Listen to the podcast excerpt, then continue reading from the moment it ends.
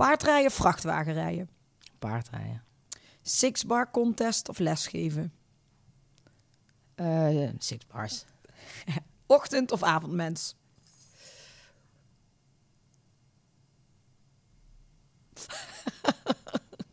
Toch avond, denk ik. Heb jij de afgelopen week iets nieuws geleerd? Vast wel. Heb je een stopwoord? Niet dat ik weet. We gaan beginnen. Leuk dat je luistert naar Horse Heroes. De podcast waarin Floor Schoenmakers van EHS Communications in een persoonlijk gesprek gaat met een hypische ondernemer. Elke week kun je luisteren naar interviews met één of meerdere gasten. Of meeluisteren naar de belevenissen tijdens hypische evenementen in de Horse Heroes Specials. We gaan beginnen.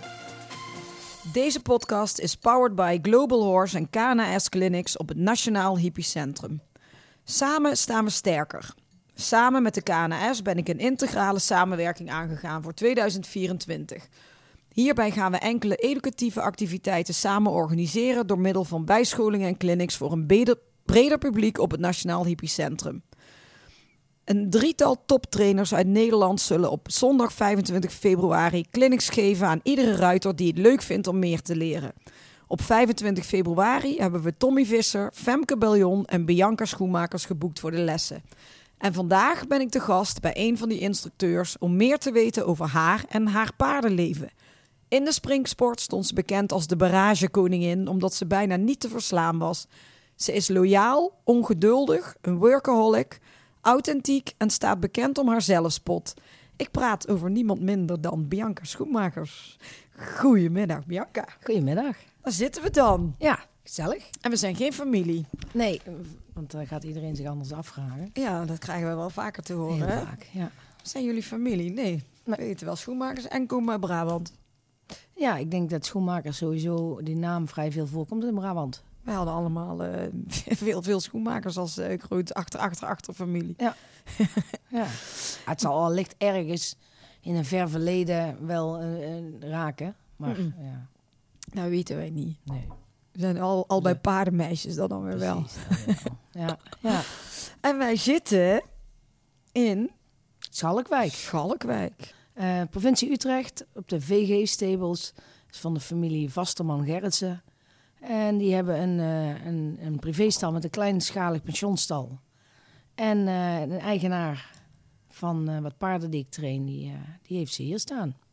Dus ik ben mooi even deze kant op gesjeest. Ja, een hele het- gastvrije plek hier. Ja. Dus heb je inmiddels wel gemerkt. Ja, ik kom aan en één minuut later zat ik aan de tafel te lunchen met de hele stal. En Heel gezellig dan was het eigenlijk al heel gezellig voordat wij überhaupt werk gingen doen. Ehm, wij zitten hier lekker aan de thee. Jij eh, hebt eh, een kriebelhoest. Ja, ik, eh, ik heb een beetje, ja, een beetje verkouden. Ja. Het Hebt- heerst. Het heerst. En je hebt een druk weekend achter de rug. Dus zeker ook geen tijd gehad om even bij te komen. Ik heb weinig tijd om uit te zieken. Nee, ja, ik heb vakantie gehad. Was wel heerlijk. Maar ehm, halverwege de vakantie, waarschijnlijk hier opgelopen. Halverwege de vakantie ben ik een beetje ziekig geworden. En eh, ja, het hoesten en dat hoesten is doorgezet. Ik heb me wel even thuis een eh, coronatestje gedaan. Dat was het niet. Ja, weet je... ja, ga maar gewoon door. Ja. Dat, dat, dat is wat het is. Winter in Holland. ja. Ehm, wij ehm, gaan even terug in de tijd. Ja. Ik ben even benieuwd naar eh, kleine Bianca. Waar ben jij, ehm, waar ben jij opgegroeid en hoe? Ik ben eh, geboren en getogen in eh, Eindhoven. Zullen de meesten ook wel horen. En ehm, ja, ik kom dus uit een Eindhovense familie. Eh, mijn, eh, mijn ouders zijn allebei paardenmensen. Mijn moeder werkte ook in de paarden. Die trainde paarden voor andere mensen. Mijn vader heeft als kind paard gereden. Mijn, zeg maar, zijn opa, mijn vaders opa, die had al dus de familieverhalen. Het eerste luxe paard van Eindhoven. Daar is ook een schilderij van. Dus, eh, hè, de- dus na de werkpaarden had hij de eerste luxe. Ja. En dus ja, het is wat dat betreft wel echt eh, een paardenfamilie. En ehm, ja, dus ik ben eigenlijk tussen de paarden opgegroeid. Mijn oom schreef vroeger en we hadden de paarden bij opa achter staan. En eh, ja, ik ging altijd mee naar stal. En, ehm, en, maar de, de, de- hè, het was niet zo dat, dat, dat, ik uit een hele rijke familie kom. Juist niet. Mijn moeder eh, trainde vooral paarden voor anderen. Maar was dat dressuur of springen wat je Altijd springgericht. Ja. Mijn, mijn, eh, mijn oom sprong ook. Die vroeger ook zet gesprongen. En eh, ja, wel dressuur gereden. Dat was toen sowieso in die tijd. Maar het was allemaal wel te springen gericht. En ehm, ehm, ja, uiteindelijk kwam er een Shetlandertje. Maar omdat mijn ouders dus niet, niet heel rijk waren... was dat een eh 2,5 jarig hengstje. Want ja, die waren te betalen. Want die wilde niemand. Ja, dan kon je aan de straatstenen niet kwijt. Dat was Quincy. Nou ja, en daar, eh, daar heb ik op leren. Nou ja, daar heb ik op leren Vallen en paardrijden. opstaan. Eigenlijk reed ik daarvoor al, want dan eh, reed ik dus vaak. Ik wilde vaak altijd bij mijn oom voor op het zadel. Als ze daar nu een filmpje van zou maken, dan, dan heb je kinderbescherming op de stoep staan. Ik vond dat toen helemaal te gek. Ik ging dus bij mijn oom voor op het zadel zitten, dus tussen zijn armen. Ik was twee jaar oud, hè. En dan gingen we springen, maar dan niet in het kruisje springen. We sprongen gewoon eh, een stijlsprong en oksen van een meter dertig. Helemaal te gek. Zonder cap natuurlijk, want ja, dat was toen niet. Nee, dat was toen niet. Nou Oh, ja, ja. ja. En jouw ouders vonden dat prima. Ja joh, ik lachen en ik had plezier. En eh, ja, mijn oom kon goed paardrijden. Dus ja, wat kan er gebeuren? Ja, dat Inderdaad, dat zou nu echt niet meer kunnen. Nee, dat moet je nu niet proberen. Maar toen was dat wel een goed idee, ja. Ja. Maar dat was in Eindhoven, dus dit. Dat was eh, in Eindhoven, in de stadsdeel Tongeren. Mhm. De binnenring van het Hofke. Het Ja. Hofkestraat in Eindhoven. Dat is een rondlopende straat. En de binnenring eh, was een braakliggend terrein. Waar ooit op gebouwd zou worden. Inmiddels nog steeds niet opgebouwd. En daar eh, hadden we paarden staan. Dat was een halve hectare. Dus echt midden in de stad.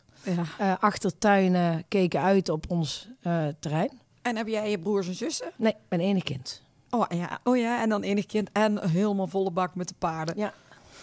En eh, jij ging ook naar school, neem ik aan. Daar. Ja, ik zat op het Hofke op school. Later ben ik naar een andere basisschool gegaan. Omdat die school een beetje... Nu noem je dat dan verpauperde. Ja. Dus dan ging ik naar een andere basisschool. En in Eindhoven, de middelbare school gezeten. Dus ik ben echt wel... Zeg maar, mijn roots liggen echt in Eindhoven, ja. Maar had je toen ehm, dat je daar naar school ging, dat je dacht iets wat je wilde worden daarna? Of was het voor jou al heel duidelijk eh, dat het de paarden zouden zijn? Ja, ik heb wel ooit zo'n blauwe maandag gedacht dat ik kapster wilde worden. Maar daar vandaan kwam, dat weet geen mens. Is niet gelukt. Nee, ik heb er ook echt helemaal geen interesse in. Ik heb echt, want dat is echt zo'n blauwe maandag geweest. Nee, nooit echt ehm, ehm, nagedacht over beroepen. Omdat inderdaad, die, die paarden, dat was allemaal zo normaal. En dat was een beetje, ja, al vrij snel duidelijk dat dat mijn toekomst ging zijn, ja. Maar jouw ouders, die, dat was ook echt hun fulltime werk, allebei. Nee, nee, mijn, mijn, mijn vader die eh, werkte, die, die was eh, ehm, eerst in loondienst. En toen ik nog, ik denk een jaar of 10, 12 was, is hij voor zichzelf begonnen met eh, een slopersbedrijf, uh, asbestverwijdering. En eh, mijn, mijn moeder die werkte eh, op stallen Mm. en, en ook in de horeca. En die deed ja, wel meerdere dingen. Maar die werkte wel, ja. eh, die, die reed ook eh M en Z en ehm, eh, springen. Ja. En, eh, maar altijd met, eigenlijk bijna altijd met paarden van de anderen.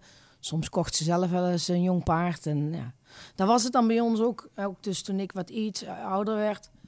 Eh er werden altijd jonge paarden gekocht, of ponytjes voor mij dan. Die dus niet zadelmak waren. En eh, ja, daar gingen we mee aan de gang. En een beetje, eh, een beetje rijden en een beetje trainen. En dan een keer verkopen. En dan kon de hobby zichzelf bekostigen. ja. En op die manier, eh, omdat mijn moeder dus kon paardrijden en verstand van paarden, dan ging dat. En, en omdat ik niet bang was en ik viel er gewoon drie, vier, vijf keer per dag op vanaf. Ja, dat was als kind zo normaal. Ik bedoel, je struikelde over je eigen benen. Dus of je nou zelf op de grond viel of, of ik viel van een pony, dat maakte geen verschil. Nee. Dus ja, dat, dat ging zo. En, ja, eigenlijk gewoon zo op. Maar ben je nooit eh, een keer heel hard gevallen dan toen? als kind niet, nee. Of ik kan het niet meer herinneren. Niet, niet, niet zeg maar hard in de zin van eh, we moeten naar een ziekenhuis. Ja, wel toen ik een keer tiener was, ooit eens een keer dat ik een hersenschudding had. Maar die capjes van toen, hè, die, ja, die. M- Maar nee, niks. eh, ehm, ik heb volgens mij de eerste keer toen was ik 15 heb ik sleutelbeen gebroken eh, van een val. Maar jij zei, jij bent dat met die ponies gaan doen. Steeds jonge, jonge ponies, mak maken, weer verkopen. Kan er een volgende. Wanneer eh, werd dat wat serieuzer? Nou ja, dat was natuurlijk wel vrij snel serieus. Ik heb toen ik tien jaar was, reed ik uh, jumping in Maastricht. De, re- de rijstelkampioenschap had je toen. Eh, dus dan moest je dan via de, eh, gewoon via de Nederlandse NKB-kampioenschappen was dat toen. Had je daar een rijstijlkampioenschap en de beste drie, vier, vijf, weet ik niet meer. Die mochten naar Maastricht. Van de NKB en van de KN en van de MP, eh, NPC. Toen Ja. de tijd van de ponies en bij de paarden ook. Had je de NBVA nog. En ehm, dat was met een, toen, die pony was toen vijf jaar en die kocht, hadden wij gekocht toen drie was. Dus ja, weet je, dat, dat, dat was eigenlijk hetzelfde. Dat, we, dat werd echt wel, we deden het wel serieus. Ik bedoel, ik ging met die ponies wel op concours. En toen ik een jaar of twaalf was, kochten we ehm, eh, een pony van een mede-pensioenklantje waar we toen stonden. Stonden we dus niet meer bij opa, maar toen huurden we ergens eh, op een pensionstal wat, eh, wat stalletjes. En er was een nieuw Forest pony, Excellent heette die. En die, die, die was acht jaar en dat meisje had, hem gewoon, had gewoon een leuke hobbypony. En die, eh, die deed er buitenritjes mee maken. En dan één keer in de week bij mijn moeder een springlesje rijden. En die meisje werd 18, dus ja, die moest een keer naar een paard. Ja. En mijn moeder zei, ja, een ponytje springt wel leuk zo in de les, weet je wel. En ik koop, nou, die kocht je, kochten ze toen voor 5000 gulden. En daar heb ik uiteindelijk twee EK's mee gereden eh, toen ik, eh, denk 14 en 15 was. Oh, en die heette Excellent. Ja. Oh, een grappige link naar nu, Ja, trouwens. ja een excellent nou horse. denkt, ja. dat Excellent nou... Mijn beste eh, pony was, eh, ja, die heette toen P, die noemden wij PS Excellent. ja. PS, dus mijn vader, PS Schoenmakers. Oh, en nou ja, dus daar, daar begon eigenlijk het... bedoel, daarvoor was je al serieus, maar dan... Ja, dan, toen zijn we dus inderdaad internationaal gaan rijden. ja. Ik heb nooit heel veel en ver in het buitenland gereden, want dat konden mijn ouders gewoon niet betalen. Maar wel eh, België, Duitsland, eh concours België, Duitsland, Nederland. En dan uiteindelijk twee EK's gereden. Eentje in, eh, in, in 19, eh, ik denk in 1996 in eh, Denemarken en 1997 in, eh, in Engeland. Ja, tof. Ja. En dat was dus eh, het begin wel van jouw eh, professionele carrière daarna, denk ik. Eh, ja, nou ja, we reden toen ook al regelmatig ponies ook van andere mensen. Bijvoorbeeld van eh ponyhandelaar Piet Martens toen de tijd. En eh, dus, maar dat was natuurlijk ja, professioneel in de zin van, ja, die deed een pony bij ons neerzetten en kon, soms konden we die verkopen, konden we er aan verdienen. En, maar ja, dan krijg je inderdaad, als je dan internationaal rijdt, dat er meer, meer mensen paarden en ponies bij je neer willen zetten. Ja, en toen ben ik wel meer ook voor derde gaan rijden, van huis uit, ja. En ehm, Zijn jullie daarom op een gegeven moment ook naar die pensionstal gegaan, zodat je daar meer paarden neer kon zetten? Was dat ook een van de redenen? Ja, en een betere faciliteiten Ja. uiteindelijk. eh, want we hadden natuurlijk maar op die binnenring daar een halve hectare. En eh, ja, je, je kon toch eigenlijk net geen kant op. Eh, En toen ben je dus gestopt met school. nee, dat ben ik pas toen ik niet meer leerplichtig was. Hè? Dus, eh 17,5. Wel, ja, Dus ik heb mijn MAVO gewoon afgemaakt. Toen heb ik een jaar ehm, groothandel internationale handel gedaan. Mm. Op de ELE in Eindhoven. Ja, dat was niks. Oh ja, maar dat toch wel nog eh, even verder gestudeerd. Ja, ik moest naar school, hè. Ja. En ik wilde eigenlijk niet naar Deurne. Want ja, daar had je toen toch wel vooral eh voltijdopleidingen. Nou, dus, dus ik, maar toen was ik 17,5, ik thuis. Ik zei, ja, dat weet ik ook niet. eh, ik zie het niet zitten. Ja, als je mag het werken dan. Nou, dus toen hadden we thuis, had ik denk ik het paard of acht staan. En ik s'morgens eh, eh, op de zaak op kantoor. Verschrikkelijk vond ik dat, maar ja, dat moest. ja. En dan smiddags de paarden. En, ehm, en toen ben ik later alsnog wel Deurne gaan doen. Want toen kwam Deurne met de opleiding die ze dan masterclass noemden. Ja, ja, ja. En dat was een opleiding voor ruiters ehm, die minimaal eh 1,30 sprongen of Z2 dressuur reden. Of op een bepaalde manier al redelijk eh, ver in sport waren. En hoe lang heeft die, eh, was die opleiding toen? Dat was een tweejarige opleiding, maar deeltijd. Eén keer in de twee weken hadden we les. We hadden, het was wel eens echt een gave opleiding. We hadden we goede instructeurs, natuurlijk van Deurne zelf. eh Marion Schreuder, Corloeven. Ja. Maar we hadden, kregen ook externe instructeurs. We hadden elke week zelf springles van Luc Steeks. We hebben toen eh, Bert Romp, Rob, Rob Erens gehad, Annelie Drummond, Hey. Ja, ja. Eh, ja, noem maar op. We hebben echt hele gave instructeurs gehad. Eh, Louis Konings is een lezing komen geven. Echt oh wel ja. grote namen. Ja, leuk. Ja, dat is wel heel leuk. die, die eh, ja, dat was echt. eh, ja, de- ik vond het wel een waardevolle opleiding. En daar heb ik dus ook ja, met een instructeursdiploma en dergelijke. Ja. En een MBO-papiertje ehm, gehaald. Moest je toen ook stage lopen? Ja, je moest. eh, dat was B- hoe heet dat? BBL, hè? BB, BBL heet dat toch? Zo'n Ja. BBL-opleiding. Dat je deelt. Dat je, Ja, je moest werken. ja. Je moest werken. En alleen omdat ik dus thuis eh hadden wij een bedrijf Dus dan was het daar. en eh, een stal. Ja. En dat werd goedgekeurd als stage. Dus dat, ja, nou ja, dat was ook goed te combineren. Ja. Ehm, wat gebeurde na de periode met, eh, met Excellent? Ja, eh, nou ja toen, gingen we natuurlijk naar de paarden. Ja, en, bij de paarden is het even iets moeilijker om eh, even een jong paard te kopen en op te leiden aan een hoger niveau. Ik heb toen nog wel, was van een kennis van ons een paard gereden. Kenneth heette die. Ehm, en daar heb ik toch wel bij de jeugd nog een beetje mee gereden. Eh 1,40 niveau. Maar dat was ook echt zijn limiet. En ja, ben ik paarden van derde gaan rijden. Toch ook wel veel jonge paarden. Een beetje, hè, iedere keer een B beginnen. En toen ik 19 was, gingen mijn ouders uit elkaar. En moest ja, het spul verkocht worden. Een bedrijf verkocht worden. En ja, toen ben ik maar gaan zoeken. Ben ik wat gaan werken. Toen ben ik in eerste instantie, had mijn pa ooit geregeld... dat ik bij Piet Rijmakers in de gang kon. Dus ben ik daar binnen gewandeld. Ja, als pap zei dat ik... eh, ja, ja, ja, ja, je kan wel komen werken, maar ja, we hebben eigenlijk niemand in dienst nodig. En, maar weet je waar, ik zeg, kom wel gewoon en dan, eh, neem, ik- als ik een paard mee kan nemen, ik zeg, en dan salaris zien we later wel. Nou ja, dat heb ik anderhalve week gedaan. En toen kwam ik Hans Dings tegen. Ja. Hoe doe je bij Piet? Ja, ik zeg, even een beetje werken, want ja, thuis dat is moeilijk. En ik zeg, maar ja, ik moet wel werk hebben, want ik moet ook op mezelf gaan wonen. Hoe kom op bij mij werken? Nou ja, daar heb ik uiteindelijk ook, ben ik bij Hans Dings gaan werken. En eh, daar heb ik 17 jaar eh, gezeten. Tja. Want Ja. dat weet ik nog. Dat weten denk ik de meesten wel inderdaad. Ja, dat was in die tijd eh, dat jij die websites deed. Ja, dat ik. die websites deed. Ja. Daar heb ik jou denk ik al voor het allereerst eh, Ja. gezien ook. Ja. 17 jaar. 17 jaar gewerkt. Maar, je, maar Hans, die, die kende jij daarvoor eigenlijk ook niet, nog Ja, niet? toevallig had ik het- er niet zo lang daarvoor eh, een paard aan verkocht. Die ik weer reed van, eh, ook van een klant, van mezelf. Ja. Dus zodoende kende ik Hans. Want met dat paard waren we gewoon ergens aan het trainen. En eh, Hans, hey, dat is een interessant paard. Nou, en heeft hij uiteindelijk gekocht. Dus ik heb dat paard naar Hans gebracht. En daar kende ik Hans van eigenlijk. Ja, en ik kende Hans natuurlijk wel van de wedstrijden. ja.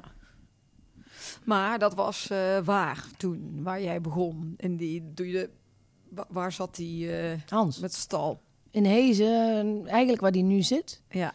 Eh, alleen dat was toen echt, hij was oud. Was oud. Hij, eh, waar hij nu, nu zit is helemaal nieuw gebouwd. En dan aan de overkant van de weg, dat terrein heeft hij nog. Daar heeft hij nu eh, op fok en dergelijke. En dat huis, dat, daar wonen zijn kinderen op dit moment. Maar daar woonde hij toen zelf. En er stond toen een oud schuurtje achter. Met 14 boksen. En dan had hij buiten containerboxen staan, nog 10. Dus 24 boksen. Ja. En aan de overkant van die de nieuwe stal is, had hij een buitenbak. Ja, stuk zand met een lint erom. Uit de bak, ja. Ja. en eh, dat was een stal toen. En Ja. maar toen was jij 19. was ik 19. Dat was een twee... Ik heb bij Hans gesolliciteerd op 11 september 2001. En eh, ik kwam daar binnen en ik hoorde wel van alles op de radio. wat Dat er dingen in Amerika gebeurd waren. En, Ja, dat Ik- vergeet je nooit meer. Nee. Jezus. dus ik kom bij hun binnen en ik heb daar enkele uren bij Hans op de bank naar de televisie staan te gapen. Van, Wat is dit? Ja, wat is dit? En eh, oh, wanneer kunnen we beginnen? Ja, ik moet een paard, paard bij Piet wel even ophalen misschien. Dus overmorgen. Oh, dat is goed. Zo is dat gegaan. Ja, die gaat er verdienen en eh, dan zien we van de week wel. Nou ja, toen ben je de paard opgedaan en daar kon je ook wonen. Eh, nee, nee, nee. Dat, ehm, ehm, ja, dat had ik uiteindelijk misschien wel gekund, maar ik wilde... Ik had toen eh, ook een relatie en ik wilde ook gewoon... Ik wilde zelfstandig. Ik wilde gewoon eh, zelfstandig worden, dus ben ik een appartement gaan huren in Gelderop. kon ik toen via via aankomen. En, ehm, maar ja, die relatie was ook snel genoeg voorbij. Daar was ik een beetje klaar mee. En ik heb een, denk ik een anderhalf jaar in dat huis gewoond. En dan denk ik, ja, dat huren, dat is ook niks. En dat was in die tijd, eh, toen kon je heel makkelijk een hypotheek kopen. Ik ga een huis kopen. Dus met mijn hypotheekverstrekkers gaan praten, kan ik een huis kopen? Dit is mijn salaris. Ja, dat is net te weinig. Maar mijn Hans, mijn Hans over gehad. Ja, maar dan, dat vind ik een goede reden. Ik krijg de opslag. Nou. en eh, toen heb ik een huis gekocht en daar woon ik nog steeds. Ja. Oh, echt? Dat is Ja. nog steeds dat Ja, huis? ik woon nu 20 jaar in dat huis. Gewoon een eenvoudig rijtjeswoning is het. Ik zit daar prima. En eh, En dat is, van, ja, is gewoon mijn huis. ja, dat is jouw huis. Ja, wel leuk. Mooi, dat verhaal. Maar ehm, vertel eens over die, eh, de, de periode daar bij Hans. Wat daar, eh, ik bedoel, 17 jaar. Dan heb je natuurlijk een hoop... eh, Ja, ik heb natuurlijk eh, bij Hans een hele, hele groei van zijn bedrijf meegemaakt. Eh, van dus dat oude varkensstalletje, koeienstalletje wat het was, met boksen erin. Naar een, eh, een, een prachtig complex wat hij nu heeft staan met een binnenhal en eh, 56 boksen. ehm, en buiten een bak met achterbergbodem en twee banen zelfs. Of, ja, inmiddels zijn het wijlaarsbodems geloof ik. Maar in ieder geval hè, met moderne bodems ja. alles op en eraan. Ja, die groei heb ik meegemaakt. En eh, ja, eh, het is wel mooi om dat gezien te hebben. En eh, van, ja, ook de kwaliteit van de paarden die, die verbeterd zijn. En, en eh, van, de, van de toch iets snelle handel naar de, naar de wat kwalitatievere handel. Ja. Maar wat is jouw bijdrage daar geweest? Want jij hebt natuurlijk heel veel paarden natuurlijk gereden daar ook. Ja, ik heb natuurlijk paarden opgeleid, Ja. naar een bepaald niveau gebracht. Ja. Ja, dat was mijn job, ja. En misschien ook naamsbekendheid in die tijd. Hoewel dat Hans eh, in die tijd eh, ook paarden bij bijvoorbeeld eh, Henk van der Pol had staan. Dus aan de naamsbekendheid had hij natuurlijk niet veel te klagen. Ehm, maar ja, Wat waren bijzondere paarden voor jou in die periode? ja, er zijn er wel verschillende geweest. Even denken. Ja, dan moet je toch een beetje. ehm, Dat is toch een beetje van de laatste jaren. Want ik heb de eerste tien jaar, denk ik, zo'n beetje. toch wel vooral eh, eh, basisniveau gereden. Dus tot ZZ en een enkele keer in 40. En in 2014 reed ik voor het eerst echt eh, internationaal. Want dan had ik gewoon paarden die wat beter kunnen. Dus dan hadden we Anastasia. Dat in Baloubet. Een hele speciale merrie. En daar heb ik ja, ook in 60 mee gereden. En die was wel heel bijzonder. Dat was een beetje gek. Maar ze konden wel over. En daar heb ik bijvoorbeeld ook eh, NK een keer mee gereden. Mm. En later eh, in 2017 had ik, eh, had ik natuurlijk Daylight en Dada. Waar ik ook in 50 en in 55 mee reed. En, ja, het zijn er zoveel die ik heb gereden. Die ik daar ook bijvoorbeeld paarden zoals Bos HDH. Die, die liep dan misschien niet op het hoogste niveau. Maar daar heb ik tussen van, van het 1,30, 1,35 en 1,40 zoveel ontzettend veel proeven mee gewonnen. Ja, dat is ook wel een speciale geweest. Ja. Maar jouw leven was toch ook wel toen heel veel concoursen rijden. Ja, dat was eh, gewoon zes dagen in de week. Tien paarden per dag rijden. Elke week op een koer. Eén of meerdere dagen. Ik moet even mijn hond corrigeren. Binky? Dat is een kat. Dat is een kat. Ja, eh, sst. Bink. Bink. Bink. We zitten in een interview, Bink. Ik, ik gooi even een pen. Binky. Mag niet. ja, dat hoort erbij. Hè? Bij Bianca hoort een hondje. Ja, maar dit, die kat niet. Ik zal even de kat wegjagen. Ja, even de kat Even de kat. wegjagen. Die, dat is zo'n Nou, kat weg, hond koest. hondkoest. ja, zolang als het duurt. Gaan we weer. Gaat Oh, dan gaat ze die trap op. Binky. Nee. Maakt niet. Mag ook niks. Nou, maar vertel. Je had het over ehm, zes dagen in de week. ehm, Daar heb ik eh, wel bijna twintig jaar gedaan. En eh, heb ik daarna nog eh, twee andere stallen even geprobeerd. Ik kwam eigenlijk allemaal op hetzelfde neer. Ik was gewoon een beetje de passie kwijt.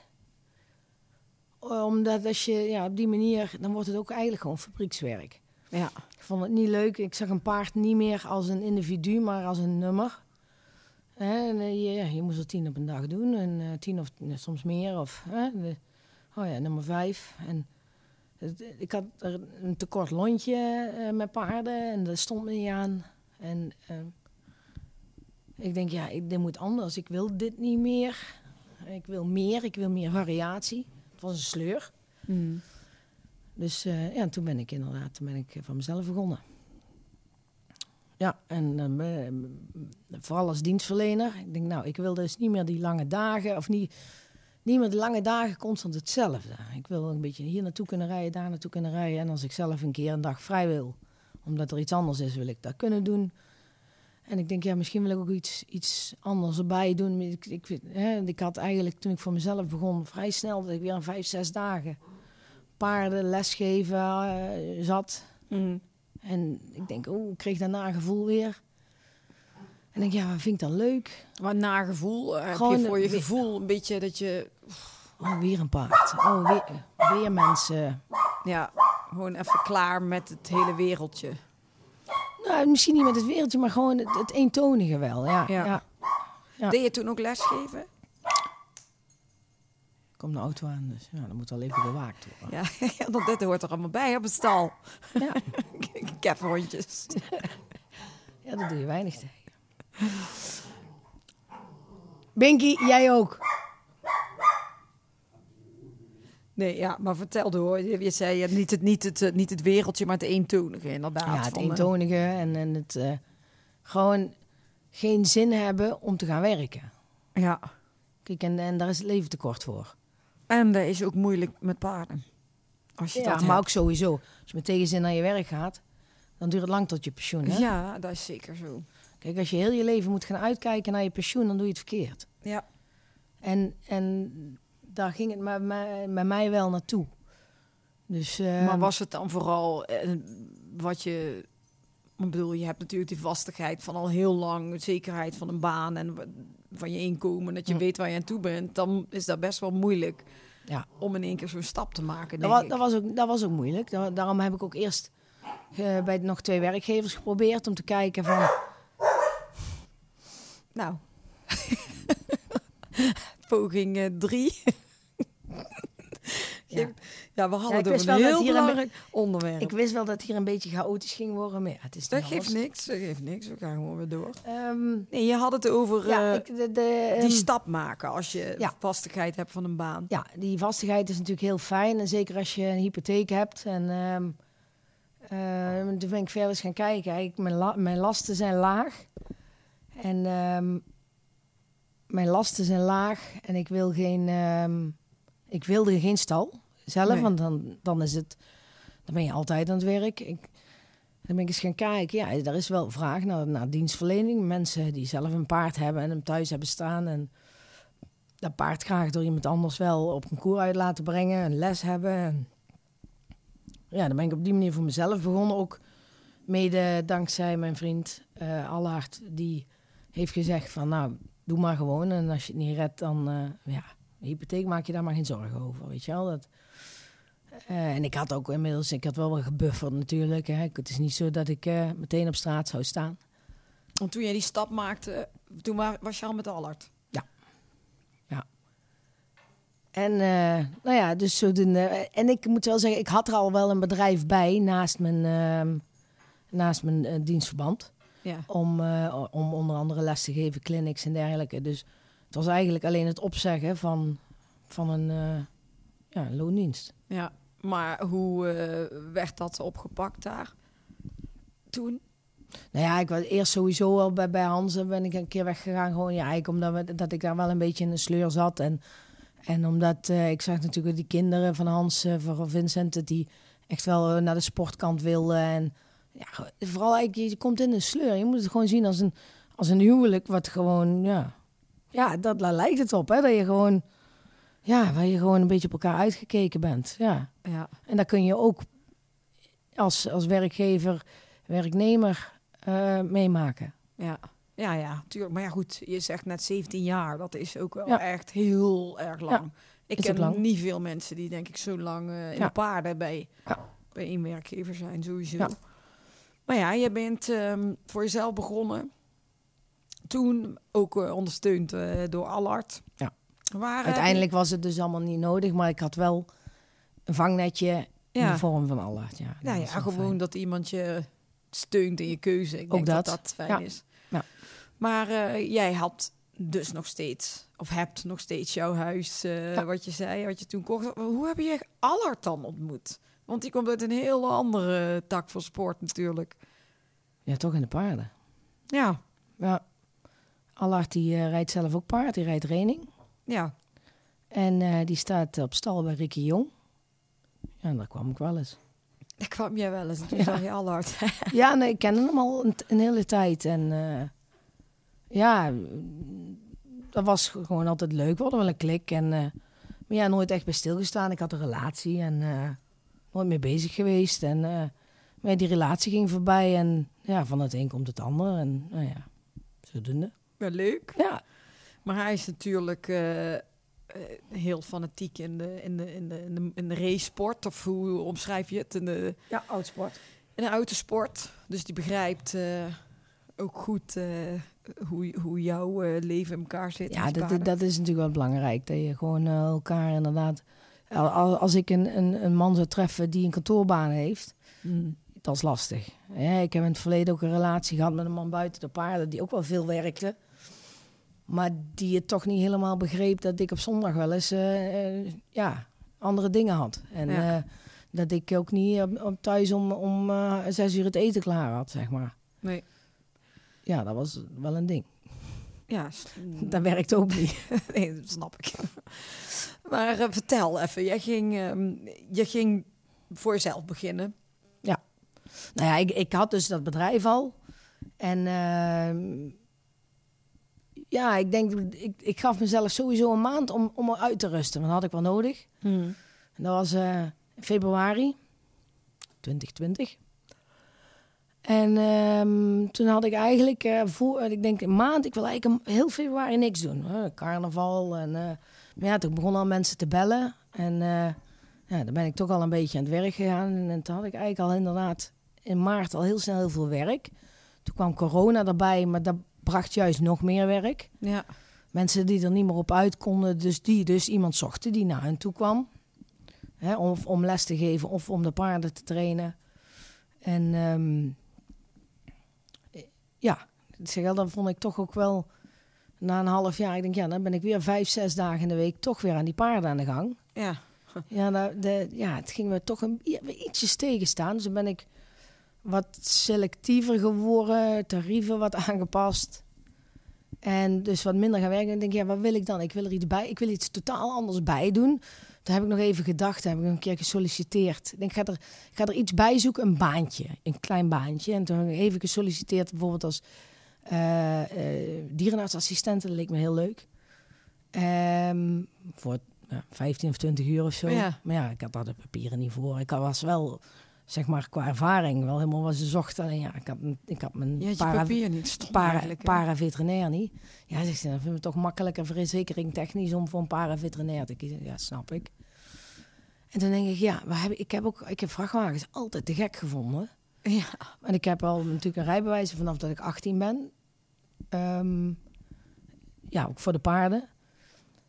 Alleen denk ik, ja, hoe kom ik nou in het transport terecht? Want ik ga dus, ik wil dus deeltijd en het liefst eigenlijk alleen maar als oproepkracht. Want ja, als ik wedstrijden of clinics heb, dan gaan die voor.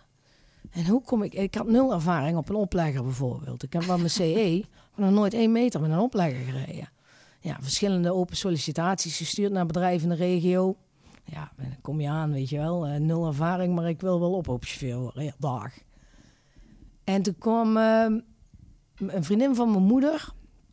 Haar zoon heeft... eh of ja, eigenlijk haar, haar, ehm, haar vader heeft vroeger een transportbedrijf begonnen, eh, aardstransport. Ja. Of ik denk zelfs haar grootvader. In ieder geval, en haar zoon deed dat bedrijf. Nou, dus die zat, zij zat bij mijn moeder. Ik zeg, zit op jullie, hebben chauffeurs nodig? Oh, zoveel. Kom alsjeblieft langs. Dus ik ben daar binnen gewandeld. Ja, luister, ik heb mijn rijbewijs, ik heb alles. Ik heb chauffeurspas, code 95, alles erop en eraan. Ik heb alleen nog nooit mijn oplegger gereden. Dus ik moet denken wel dat dat gaat. Ik moet alleen even onder de knie krijgen. Oh, dat is goed. Dat is goed. Dus ja, en ik dus wel een beetje oproep. En, eh, nee, dat is goed. Dus zodoende ben ik bij Aarts begonnen. Daar hebben ze me mooi, ja, eh, een, een dag mijn chauffeur mee laten rijden. En de dag erna sleuteltjes hier, succes. Kijk maar hoe je doet. Doe voorzichtig. En eh, daar zit ik nog. En inmiddels heb ik er een tweede baan bij in de transport. In de melktransport bij Van der Mierde in Oorschot. Dan ben ik RMO-chauffeur. Dus haal ik de melk bij de boer op, breng ik naar de fabriek. En eh, ja, dat vind ik gewoon heel fijn om erbij te doen. En die balans vind ik heerlijk, die afwisseling vind ik heerlijk. Door twee eh, totaal verschillende banen in het transport te hebben. En, en dan een paar dagen in de week ook nog die paarden. En, nog, en inmiddels werk ik dus wel weer heel veel. Ja, ik wou zeggen. Want, Maar eh, omdat het, omdat het zo, eh, zoveel variatie heeft, vind ik het niet erg. Ik ga elke dag met plezier naar mijn werk. En elke keer wat anders doen. Noemen ze een, eh, een, een, een vrachtwagenavontuur. Want ik weet dat jij dingen onderweg ziet en meemaakt ook wel. Dat, eh, wat, wat, is daar, wat, wat maak je dan mee? Het is zo'n mannenwereld natuurlijk ook.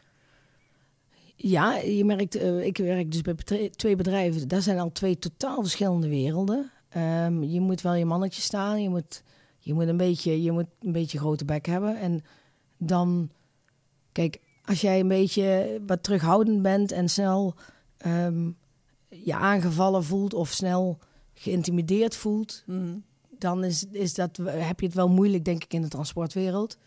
Maar als iemand een beetje een flauw grapje maakt, nou, dan maak ik hem drie keer zo hard terug. Ja. Ja, en dan, dan lachen ze wat en dan, nou ja, dan hoor je erbij. Ja, maar goed, dat is wel jouw voordeel. Dat jij bent natuurlijk vrij Ja, direct. ja, en eh, ja. die zelfspot kent iedereen jou ook wel van. Dus dat zal wel... Neem, daar kan me voorstellen dat dat goed werkt tussen de chauffeurs. Even een hoes bij. Slokje thee. Jeetje. Een slokje sterrenmunt en dan gaan we weer door. Goh. Nou. Dus, ja. Ehm, ja. Nee, en, en, en, en eh, ja, spannende dingen. Nou ja, inmiddels doe ik dus ook wat social media in de transport. Ja. ja. Maar dat is ook gewoon omdat ik het heel leuk vind. Omdat eh, bijvoorbeeld op TikTok, dat is echt de community onder de truckers.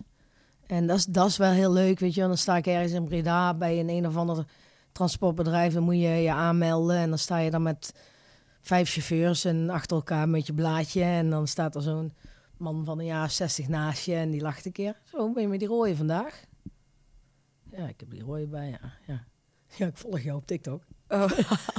Of hè, je komt, eh, eh, dat je elkaar eh, volgt en elkaar grappen kent en elkaar nog nooit ontmoet hebt, maar elkaar wel heel vaak geknipperd hebt op de snelweg. Ja, ja. Dat je weet in welke vrachtwagen hij rijdt, hij weet in welke ik rij. En, en zo iemand die je dan bijvoorbeeld wel op een truckshow of zo daar tegenkomt. En dat is wel echt heel leuk. Is het eh, is er iets te vergelijken met de paardenwereld?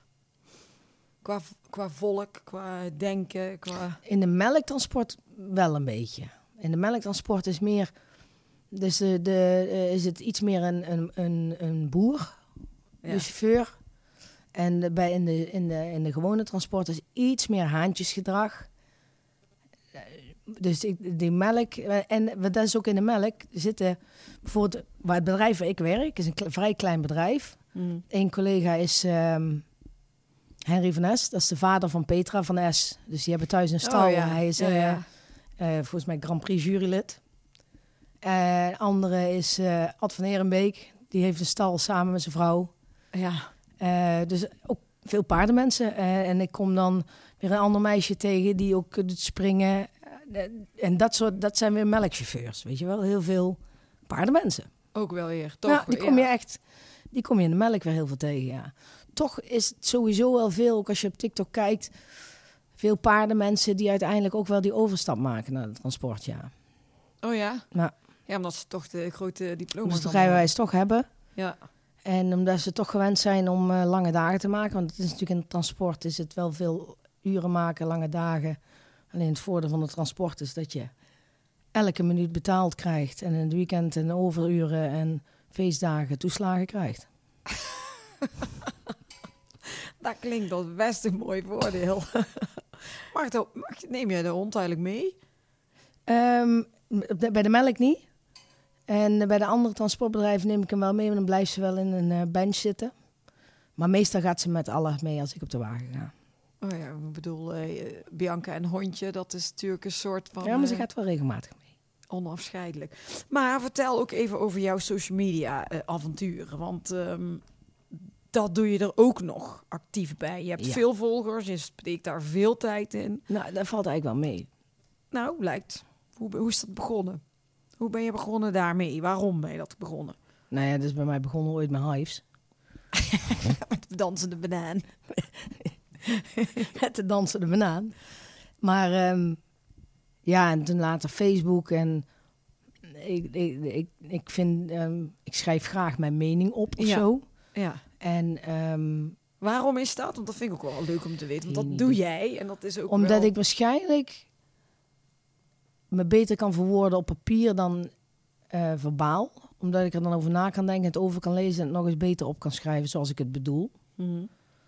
Ehm, ik was op school al wel redelijk goed in Nederland, zeg maar. Dat was wel een van mijn makkelijkste vakken. Dus eh, dat, dat schrijven ging me ja, wel makkelijk af. En waarom? Ja, omdat ik, waarom? Ja, sommige mensen geven gewoon graag een mening. Ik ben zo iemand. Ja, maar je wordt ook best veel gevraagd voor eh, columns te schrijven of artikelen of dingen met je gewoon goed kan schrijven. Je schrijft ook voor best veel eh Nou ja, bladen, toch? Nou ja, op het moment schrijf ik af en toe inderdaad de column voor de paardenkrant Horses.nl. Ja.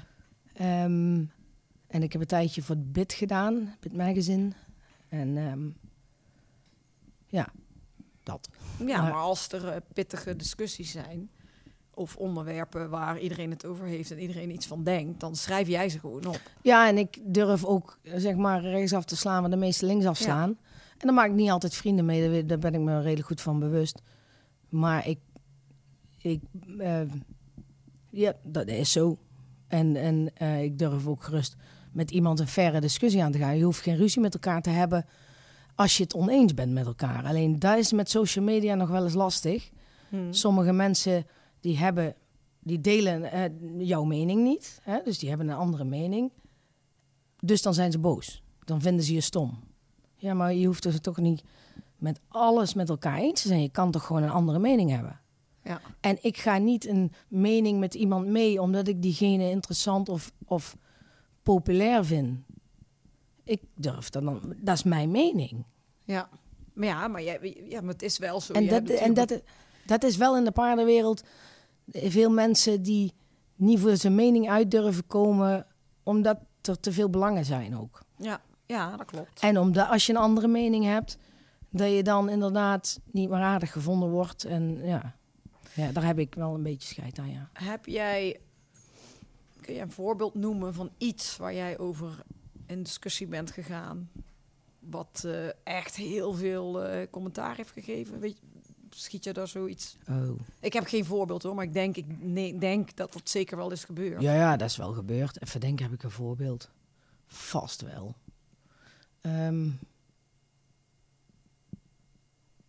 Nou ja, waar je misschien zelf ook een beetje van eh, onder de indruk was. nee, dat ben ik niet zo snel. Nee? Nee. Nee, want het is gewoon, het is mijn mening. En het is niet zo dat die mening uit de lucht komt vallen. Die mening, als ik, zeker als ik hem ventileer, dan heb ik die mening al langer. En dan heb ik die ook wel vaker uitgesproken. En dan merk je ook wel, sommige mensen zijn het er wel mee eens en sommige mensen zijn het er niet mee eens. Dat is trouwens met alle meningen. Ja. Ja, ja, maar jij zet hem, jij durft dat wel eh, openbaar te zetten. Weet Ja. je wel, dat is dat er van alles over gezegd kan Ja. worden. En natuurlijk ook een heleboel mensen Dat is die ook het- anoniem Dat, eh, weer ja, reageren. maar ik bedoel, ben je nooit aangevallen heel erg op iets? Dat bedoel ik eigenlijk meer van dat iemand echt iets hartstikke vervelends dan zei. Dat je dacht, "Mo, dat was niet per se relaxed of zo. Nee, ik ben niet zo snel beledigd of verdrietig of... ehm, nee, nee, dat, dat heb ik niet. Ehm, eh, sowieso, als ik ding, dingen die ik doe, dingen die ik zeg, die kan ik uitleggen. Ja, En uiteraard kan je ooit een mening bijstellen. Hè? Dat, dat bedoel, daar ben ik ook niet trots voor dat ik, als ik het ooit mis heb of iets dergelijks, of eh, ja, of ik dingen verkeerd gezien of verkeerd begrepen heb. Maar eh, waar je, de, de, de nare reacties die je wel krijgt, ehm, ooit, dat is meer op, op filmpjes of foto's van die je op social media zet. Maar dat zijn we inderdaad, dat is vaak of anoniem. Of ja, de- ja en, en dan, ik heb altijd zoiets van: je moet alles kunnen uitleggen. En je moet erachter kunnen staan wat je doet. Ehm, En merk je van, hm, ja, ik krijg het eigenlijk niet uitgelegd dat ik het doe. Ik krijg het niet goed gepraat dat ik het doe, zeg maar. Hmm. Ja, dan moet je je vragen of je het wel goed doet. Maar is het waar jij dan commentaar op gehad op dingen wat je in je rijen doet? Of als jij bijvoorbeeld flauwekul eh, filmpjes maakt voor, eh, voor TikTok of weet ik veel? Ja, daar hoor je vooral achter je rug om. Dat Ja. mensen, als mensen dat stom vinden. Die flauwekul filmpjes. Maar de meeste mensen komen daar eerst in je gezicht zeggen... oh, tof, tof, tof, tof. En dan hoor je wel van sommige mensen achter je rug... oh, stom, je bent toch veel te oud ervoor. Ik, zeg, ik heb er toch lol in. Te lachen. Ja, want jij hebt echt wel, wat dat betreft, scheid aan, hè? Ja, ik heb daar echt scheid aan. Ja, maar dat, kijk, dat scheelt misschien ook dat ik niet meer de volledige belangen in die paardensport heb. Weet je, als mensen, als er klanten zijn die dan zeggen, ja, maar daar wil ik niks mee te maken hebben, prima, dan moet je bij iemand anders eh, gaan. Ja. Ik bedoel, ik heb genoeg werk, ik heb aan alle kanten werk, zowel in de paarden als in de transport. Ik doe wat ik doe. Ja, maar dat is ook juist, denk ik, Ja. waarom iedereen je ook wel kent. Maar wat je net was aan het vertellen, je begon natuurlijk met Hives en toen eh, so- of, eh, met Facebook, op een gegeven moment Instagram. Maar het is best ook een belangrijk onderdeel van jouw eh, persoon geworden. Dat Ja, ja, dat is natuurlijk erin geslopen. Ehm, maar het- het- ja, omdat ik het ook leuk vind om te doen. Ik vind het leuk om, om, om, om content te maken en leuk om dingen te volgen en te zien. En ehm, om lol te maken en om mensen ook te leren kennen. Mm. Ehm, door online. En ehm, die mensen die dus makkelijker op je af durven stappen ook, weet je wel. Die, die dan eh, naar je toe komen. En, oh ja, ik, ik volg jou en ik vind het allemaal leuk wat je doet, weet je wel. En dat vind ik ook leuk. En daarom, ik, ik doe het ook allemaal zelf. Eh, ik geef het niet uit handen. En ik wil het ook niet commerciëler aanpakken dan dat ik het nu doe. Natuurlijk heb ik samenwerkingen ja. hele leuke samenwerking. Ik doe ook alleen maar samenwerkingen aangaan met merken of bedrijven waar ik achter sta. ja, tuurlijk. Anders werkt het ook niet. Nou ja, er zijn er genoeg die, eh, ja, die betalen goed. En dus daar gaan we samenwerking mee aan. Maar ik moet, ik moet een product zelf willen kopen of een merk zelf willen kopen of gebruiken Ja. ehm, als ik er samenwerking mee aanga. En ehm, en natuurlijk kan je daar nog veel meer inkomsten uithalen, maar daar heb ik helemaal geen zin in. Want dan moet je inderdaad, dan moet je het echt gaan managen. En dat doe ik niet. Ik post wat ik wil en hoe ik het wil. En het is niet altijd zijn het de mooiste plaatjes. En het is, maar het zijn wel de plaatjes die ik op dat moment leuk vind, omdat het op dat moment zeg maar iets over mij zegt, of over mijn dag zegt, of over ja, het moment zegt. Ja, maar je gaat ook best wel veel in op het, eh, hoe je met paarden omgaat. Ja. Het hele paardenwelzijn is ook bij jou ook wel een, Ja. eh, een belangrijk onderwerp. Ja. ja, dat is natuurlijk ook gewoon een ding waar we steeds meer naartoe gaan. Ik bedoel, ik heb ook heel veel dingen verkeerd gedaan. Ik bedoel, ik ben ook jong geweest en eh, ik heb ook dus die periode meegemaakt dat dingen moeten. En ehm, ik ben heel, daarom ben ik heel blij dat ik het nu anders kan doen. Ja. En, eh, en ik denk ook dat het belangrijk is dat we dat uitdragen. En ehm, er is een nieuwe campagne. Hebben ze vanaf Jump in Ja, Amsterdam. het, ja. Dit doen paarden. Waar mensen ook met de hashtag Dit doen paarden eigenlijk eh, aan, aan elkaar laten zien. Paardenmensen aan elkaar, maar paardenmensen ook aan de niet eh, paardenmensen. Van wat doen paarden nou eigenlijk? Mhm. Maar als ik die vraag aan jou stel, wat doen paarden met jou? Ja, wat doen paarden met mij? Dat is toch... ehm, een, een, een, ja, wat, wat doen paarden? Ja, dat is een goede vraag. In ieder geval eh, on- ontspanning op dit moment. Ontspanning, plezier. eh, beweging ook. En ehm, ja, God, li- liefde vind ik eh, misschien niet het goede woord, maar genegenheid. Ja, Ja.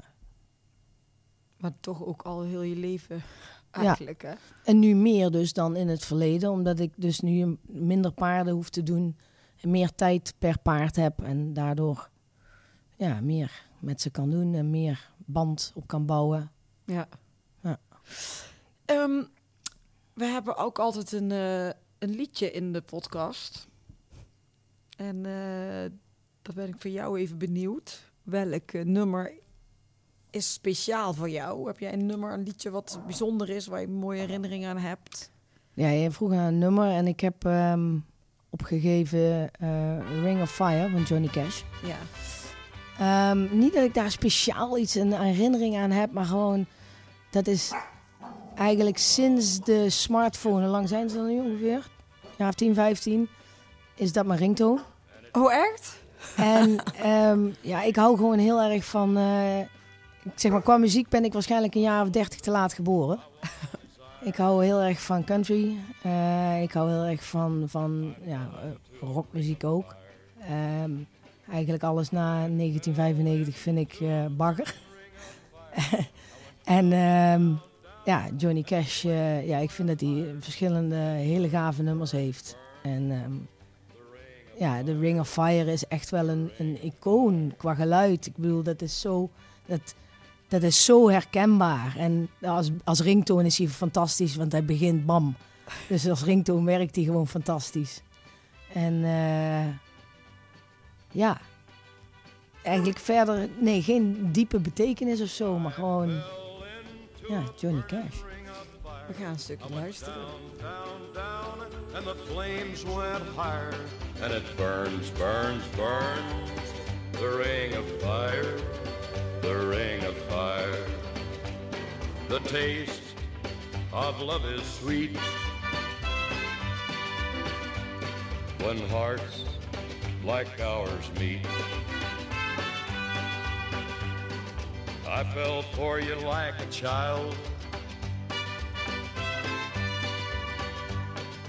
Oh, but the fire went wild. I fell into a burning ring of fire. I went down, down, down, and the flames went higher. And it burns, burns, burns, the ring of fire, the ring of fire. Hoe voel jij jouw ringtoon? Dus jij hoort dit nummer nu en je denkt, mijn telefoon gaat. Dat heb ik dus heel vaak. Wel als op de radio is. Oh, oh nee, toch oh, niet. nee, oh, nee, dat was niet mijn, eh, niet mijn telefoon. Maar Bianca, we hebben... eh, jij bent ook eh, instructeur. Instructrice, moet ik zeggen. Hè? Je Ja, veel ik, ik vind...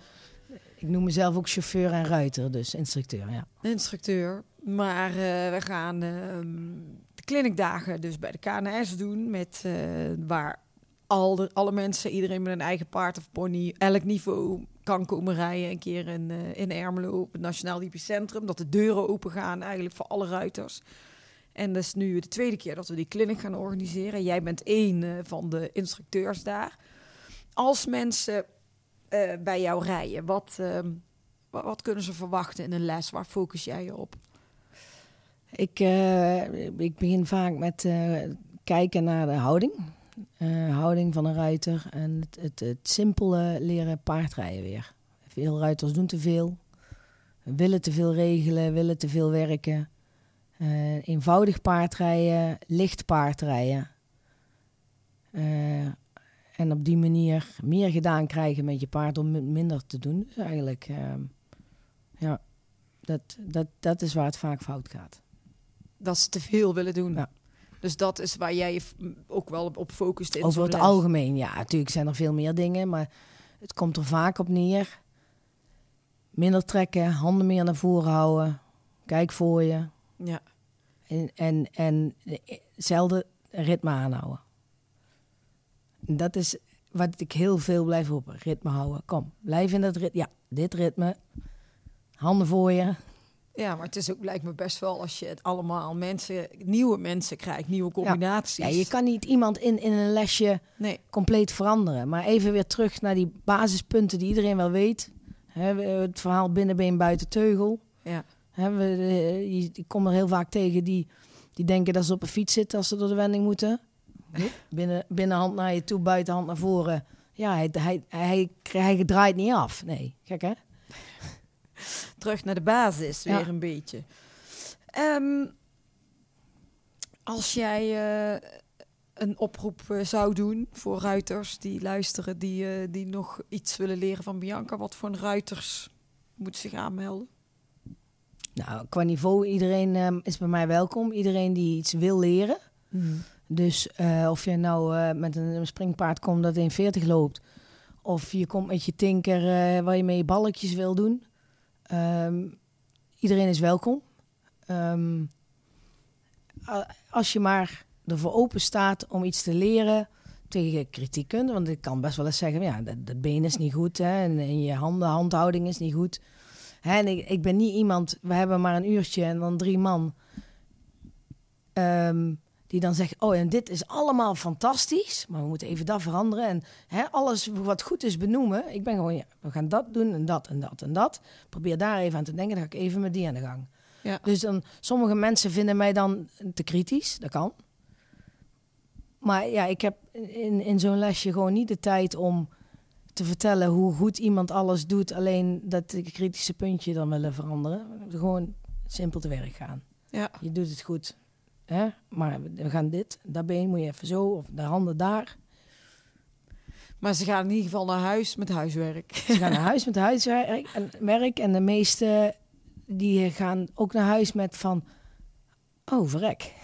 Daar heb ik zo nooit, nooit Ja. over nagedacht. Ja, maar ja, dat is juist de bedoeling ook Ja. van die lessen. Dat ze juist een keer bij iemand kunnen, Ja. kunnen lessen zoals jij, die toch anders naar dingen kijkt. Als jij eh, jonge ruiters eh, een advies kan geven, wat zou je zeggen?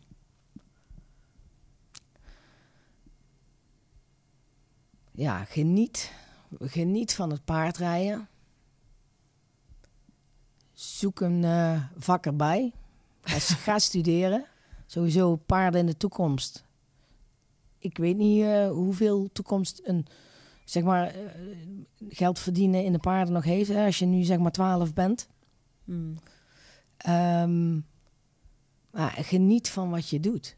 En dat is eigenlijk het belangrijkste. Ja, maar dan heb je denk ik ook een stukje over je eigen, Eigen ervaring. ja, wat je een stukje kwijt bent Ja. geweest even. Maar ja, nu volle bak eh, in hebt gehaald. Ja. Maak jij je zorgen om, eh, om de sport? Ja, ja wel een beetje. ehm, ja. Ja, eh, ik, ik vraag me af hoe de, hoe de commerciële paardensport, in ieder geval in ehm, Europa waar wij leven, dus West-Europa, hoeveel toekomst dat nog heeft, zoals het nu is. Wat denk je dat er moet gebeuren? Ik weet niet of we het kunnen tegenhouden. Ja. Dat is het eigenlijk. Ehm, nee, dat, ik vind het heel moeilijk. Ik vind het heel moeilijk. Eh, er moeten natuurlijk moeten er dingen veranderen. En, maar ik, ken, ik beide kanten van het verhaal. Ik bedoel, ik heb ook topsport gereden. En het is heel moeilijk. Dat kan je niet allemaal altijd maar met een suikerklontje en een... eh, en eh, die paarden hebben het hartstikke goed. En ehm, ja, maar er komen een keer, komt een keer, altijd een keer dat je, het moment dat je, een keer been moet geven. Dus dat je een keer misschien harder moet schoppen. Of je rijdt naar een hindernis toe en je komt echt te dicht. Dat je een keer moet, ja tegen moet houden. En dat het een keer een niet zo fraaie trek wordt. Dat heb je altijd. Hè? Of je hebt een temperamentvolle die gewoon wat heet en wat spartelt onder je. Ja, maak je daar foto's van, dan ziet het er niet uit. Nee, nee, maar dat is juist de hele tegenhanger van dat stomme social media. Wat van de Ja. ene kant heel goed is en Ja. van de andere kant Ja, dus dat ook, klopt. ook heel veel weer kapot maakt. Ja. Dus, en, en, en dat kun je bijna niet veranderen. Want hoe hoger je eh, rijdt, ik denk in elke discipline, hoe meer je als ruiter ooit iets moet doen om het veilig uiteindelijk te laten gebeuren. Ja. Als je naar een oksel van een meter 60 rijdt en je, je paard ziet, ziet twee gelosprongen van in is, voel je in één keer iets inhouden, ja, dan moet je been geven. Ja. En dan zal je een keer hard been moeten geven. Dat die, want je kan bijna niet meer stoppen op dat moment. Je ligt erin. Ja. ja, ja, maar dat is dus ook een beetje wat we, wat de hele Dit Doen Paardencampagne moet gaan Ja. doen. Weet je, je ze zien die beelden die vaak op zo'n wedstrijd of in de topsport op concours, wat dan met een camera gemaakt is tijdens het rijden. Maar eigenlijk niet zo goed wat er daarna daarbuiten allemaal gebeurt. Ook als je Nee. hier kijkt waar wij nu zijn. Ik bedoel, je loopt hier eh, het huis uit en je staat eigenlijk in een, ik bedoel, hier staat een paard bijna naar binnen te Ja. kijken in de keuken. Ja, Zie je je- staat in de keuken, ja. ja. maar je loopt, normaal loop je naar buiten, sta je buiten. Hier sta je meteen in stal. de stal. Alles is onderdeel van het hele gezin. Hier dan, waar we nu vandaag zitten. Kijk, en dat soort dingen, dat, dat ziet Nee. die buitenkant allemaal niet. Hoe dat Nee. gaat en Nee. hoe iedereen ervoor leeft. Dus ik denk dat dat ook wel eh, meer zal moeten gebeuren. Niet alleen ehm, ja, die slechte beelden, of dat wij alleen maar delen als paarden en mensen wat er op een koer gebeurt, maar ook daaromheen meer. Jij Ja. doet dat al, eh, al goed met je social eh, media gebeuren. Nou ja, ehm, wij ehm, zijn eigenlijk aan het einde van de podcast. Ja. En eh, mensen eh, kunnen binnenkort bij jou. Er zijn er een hoop al, of het zijn eigenlijk al niet meer zoveel plekken beschikbaar. Dus het kan goed zijn dat als de podcast live komt, dat alles alweer vol Dat het zit. klaar is, ja. Dat, maar ja, Ehm, waar kunnen mensen jouw avonturen volgen? Want jij hebt meerdere pagina's natuurlijk. Ja, ik heb ehm, op eh, Facebook heb ik mijn, mijn bedrijfspagina Bianca Schoenmakers Equestrian. En natuurlijk mijn eh, persoonlijke account, want daar zit ik aan mijn max aantal vrienden. Eh, Instagram heb ik eh bianca.schoenmakers. En dan het chauffeuse Bianca, want ik heb, hou dat een, niche moet je gescheiden houden. Ja, dat moet ook. Dus ik heb een truckers-account en een paardenaccount. En TikTok eh, idem dito. En dan is het Bianca Schoenmakers en het chauffeuse Bianca. Ja, En een hondje. ja maar- oh ja, natuurlijk. Binky de Norfolk. Heeft ook een eigen Insta. Ja, Ja, wereldberoemd. ja wereldberoemd. Wereldberoemd in de podcast. De Juist. eerste hond die, Ja. mee, die meepraat. Die meepraat. Nou, Bianca, ik wil jou eh, heel erg bedanken voor jouw tijd. Graag gedaan. En eh, ik zie jou over een paar weken weer in Ermelo. En deze podcast is mede mogelijk gemaakt door eh, de KNS en het Nationaal Hippie Centrum. En bedankt voor het luisteren. Tot volgende week. En, en, eh, en, en, en, en die Beunkie die, Beunkie die sluit hem nog even af. We could be heroes.